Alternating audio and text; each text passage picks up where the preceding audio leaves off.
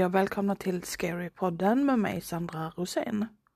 I veckans avsnitt så har jag tre berättelser som jag tänkte berätta för er helt enkelt. Och eh, jag vill lite för att eh, switch it up lite.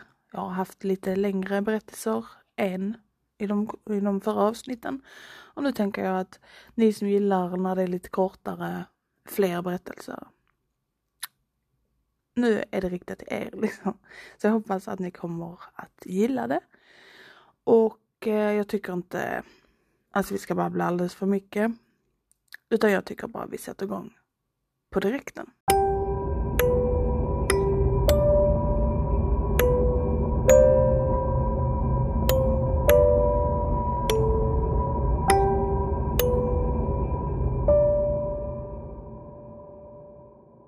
För några kvällar sedan ringde min gamla pojkvän Stan och sa att han ville träffas.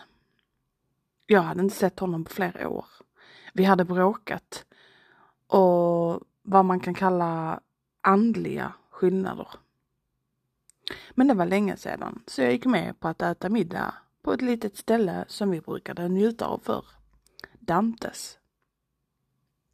Han var redan där när jag dök upp och såg skarp och varm ut som alltid och petade i en köttbit på en tallrik framför honom. Hej, sa jag. Se på tusan, hej! Jag satte mig ner. Förlåt för att jag beställde, sa han. Men jag tvivlade på att du skulle dyka upp och jag var hungrig. Som du vet så är ungraren här att dö för. Det är okej. Okay. Jag tittade över menyn. Om du inte är sugen på ungerskt, koreansk, kanske? Föreslog han. Tack, men jag försöker att inte äta kött. Inte den sorten åtminstone. Inte längre. Jag beställde en sallad. Du ser fantastisk ut, sa jag. Du också. Det var en lögn som jag ville tro på. Så, hur har du haft det? Bra. Och du? Inte illa, trots allt. Livet har varit rörigt. Du vet säkert att jag konverterade, eller hur? Jag är buddhist nu. Jag vet. Han flinade. Ändå är jag här. Det kanske borde säga dig något. Innan jag ens hann svara så sa han Jag skojar, jag skojar och fortsatte att flina. Jag är säker på att det är en bra trossystem.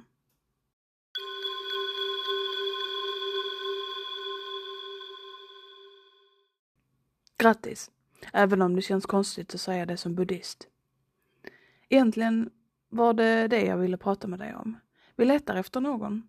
Någon med din typ av, ska vi säga, färdigheter och erfarenheter. Det, det där gör jag inte längre, sa jag.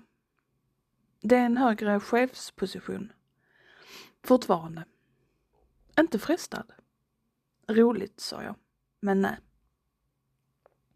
Jag vet att vi inte funkade, men jag har alltid haft en enorm respekt för hur du sköter dig professionellt. Det skulle vara en ära att få jobba med dig igen. Jag kan inte, sa jag. Uppriktigt smickrad. Karma? Något sådant, ja. Du vet att det inte är sant, sa han. Reinkarnation är inte heller en grej. Jag vet. Och ändå så vill du inte jobba med mig. Precis. Jag knastrade på min sallad för att punktera tanken. Kände mig som en försvarslös kanin. Det är synd. Han tittade på mig. Hans mörka ögon stirrade in i min själ. Men på något sätt är jag faktiskt stolt över dig. Du vände på ditt liv. Inte många människor som verkligen kan ändra på sig. Vi pratade i några minuter till. Vi ses, sa jag och när han reste sig svarade Satan med en antydan av melankoli. Det tror jag också. Men nu är jag inte så säker längre.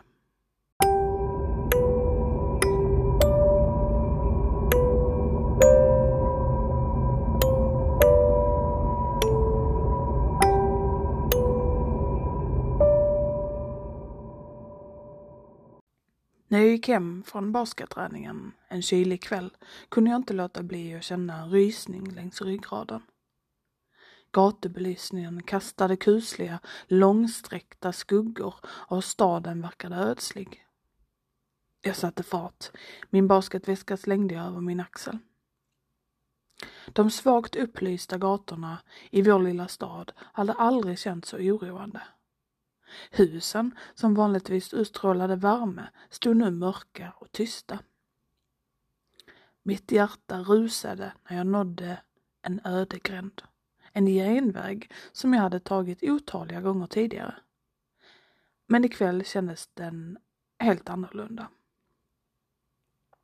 När jag vågade mig djupare in i gränden hade jag, la jag märke till tre skuggiga figurer längst bort. Paniken strömmade genom mig och jag tog instinktivt ett hårdare tag i min basketboll. Männen, medelålders och lurade i mörkret, verkade prata i tysta toner. Gåshud pickade min hud när jag övervägde mina alternativ.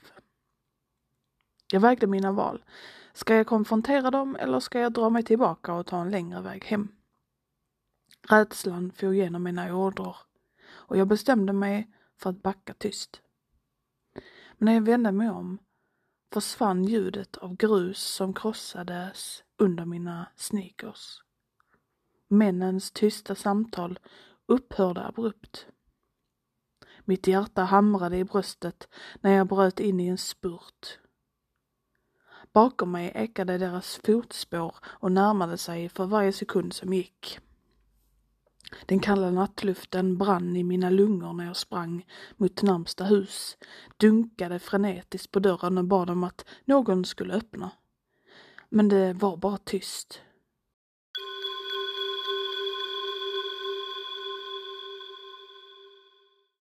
I desperation sprang jag till nästa hus och dunkade på dörren ännu en gång. Den här gången öppnade en granne den. Deras ansikte förvrängt i förvirring och oro.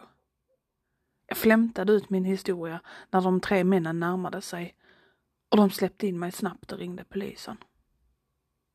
Myndigheterna anlände snabbt, men då hade de tre potentiella kidnapparna smält bort in i natten och lämnade inga spår efter sig. Trots en grundlig sökning i området kunde de aldrig fångas. I efterdyningarna av den skrämmande natten var staden i hög beredskap. Både föräldrar och barn var mer försiktiga och gatorna blev aldrig detsamma igen.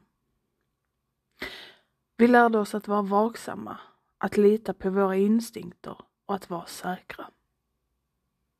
Allt eftersom åren gick fortsatte minnet av eh, det där skrämmande mötet att förfölja mig.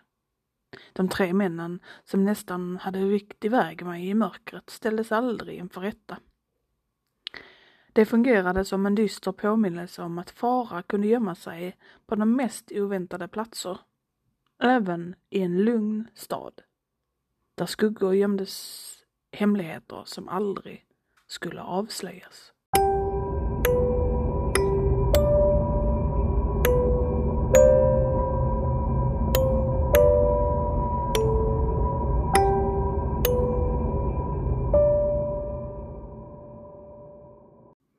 Jag flyttade in i ett gammalt knarrande hus i utkanten av staden och sökte tröst i dess isolering. Väggarna viskade hemligheter och ekade av berättelsen från det förflutna. Sent på natten blev deras sål starkare och fyllde rummen med en kuslig närvaro. En månlös natt, när jag låg i sängen, hörde jag ett barns skratt. Det verkade komma från själva väggarna. Ett fantomeko av ungdomlig oskuld. Mitt hjärta rusade för att jag visste att jag var ensam. Jag vågade mig in i den svagt upplysta hallen och spårade min hand längs den skalade tapeten. Viskningarna blev mer distinkta och bildade splittrade meningar som kylde mig ända till benen. Hjälp mig, instängd, släpp ut oss, ett kallt drag virvlade och bar med sig doften av förfall. Jag följde ljudet. Fingrar darrade på dörrhandtaget. Dörren gled upp och avslöjade en dold kammare, dammtäckt och bortglömd. Där i hörnet stod ett barn med ihåliga ögon som var helt tumma. Han tittade på mig med ett desperat vädjan i blicken. Hans röst var bara ett andetag, knappt hörbar. De kommer inte att låta oss gå. Jag snubblade tillbaka och insåg att jag inte var ensam. Skuggor dansade i periferin. Figurer av de sedan länge bortglömda själar fångade inom dessa väggar. Deras ansikte förvrängdes i tyst plåga. Jag flydde, men viskningarna förföljde mig och ekade i mitt sinne varje natt. Så blev de också starkare, mer ansträngda. Jag kunde inte undkomma dem. Jag var bunden till det här huset. Likaså dem.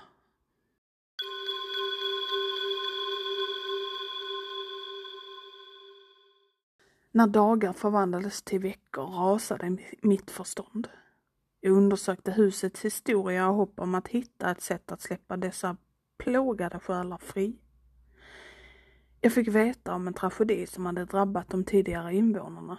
En familj som förlorades i en brand som hade förtärt själva murarna som nu begravde deras andar. Beväpnad med denna kunskap utförde jag en ritual i hopp om att befria dem. Luften blev tjock av förväntan och för ett ögonblick kände jag en våg av hopp. Men sedan blev viskningarna frenetiska, blandade med ångestfyllda rop. Jag såg förskräckt på hur väggarna verkade pulsera, som om de andades. Huset avvisade mina försök, rasade över min inblandning. Mörkret förtärde mig och drog in mig i dess kvävande famn. Nu är jag ett med viskningarna. Ett tyst gråt i djupet av detta förbannade hus. Och jag varnar dig, den som läser detta, håll dig borta från den övergivna platsen. För när du hör viskningarna i väggarna är du för alltid bunden till dem.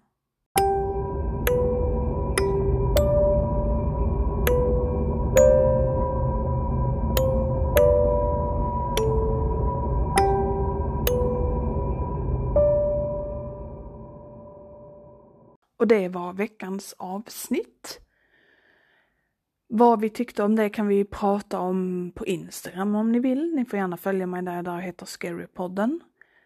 Och om ni själva har varit med om någonting som ni vill att jag ska ta upp i kommande avsnitt så får ni jättegärna mejla det till mig. At, eller at, till scarypodden at gmail.com. Behöver inte vara någonting självupplevt, det kan vara en historia som ni har skrivit. Det hade varit superkul att få ta del av det. Men i vanlig ordning så om inget annat händer så vet ni att vi hörs och ses nästa vecka igen.